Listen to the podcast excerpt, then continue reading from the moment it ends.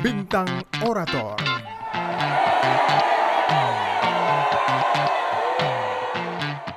Assalamualaikum warahmatullahi wabarakatuh.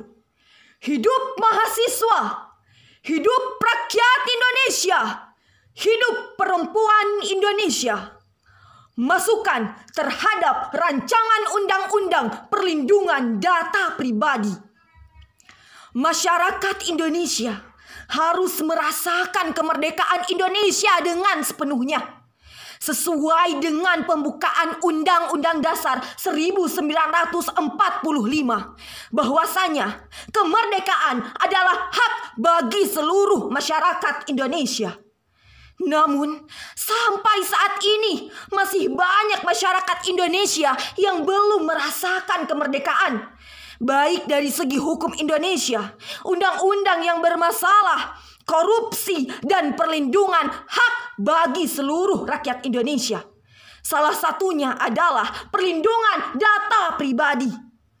Perlindungan data pribadi menurut rancangan Undang-Undang Perlindungan Data Pribadi pasal 1 ayat 1 menyatakan bahwasanya data pribadi adalah setiap data tentang seseorang baik teridentifikasi atau dapat diidentifikasi secara tersendiri atau dikombinasi dengan informasi lainnya baik secara langsung maupun tidak langsung. Saat ini Indonesia sedang tidak baik-baik saja. Indonesia sedang mengalami krisis kepercayaan, krisis kejujuran. Kita lihatlah realita saat ini yang terjadi. Beberapa instansi pada tahun 2020 seperti Tokopedia, Bineka, Bukalapak, dan lain sebagainya sudah mengalami kebocoran data pribadi penggunanya. Belum lagi data pribadi masyarakat Indonesia yang mudah direntas dan dapat diperjualbelikan di pasar bebas dengan harga 300 rupiah sampai 50 ribu rupiah. Sudah tercatat 230 ribu data pasien COVID-19 di Indonesia telah bocor. 2,3 juta data KPU diduga bocor.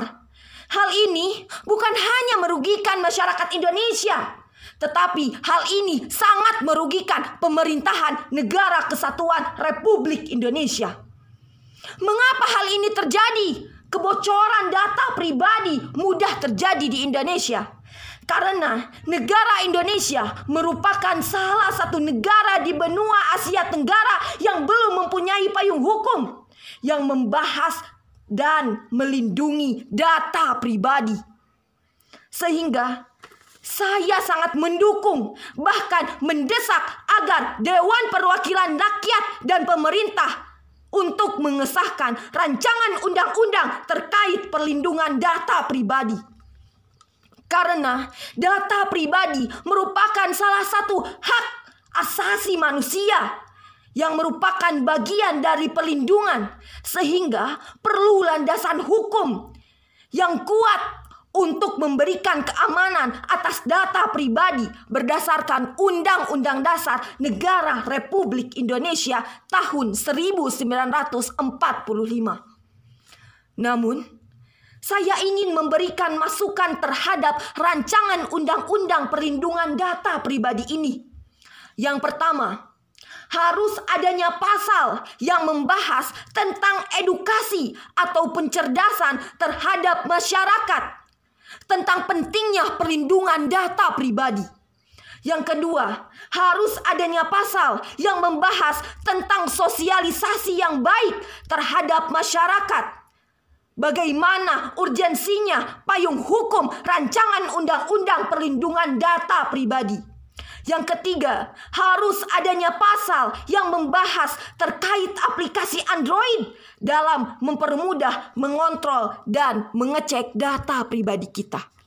Maka untuk itu, saya sangat mendukung ketika DPR akan mengesahkan rancangan undang-undang perlindungan data pribadi. Demikian. Assalamualaikum warahmatullahi wabarakatuh. Bintang Orator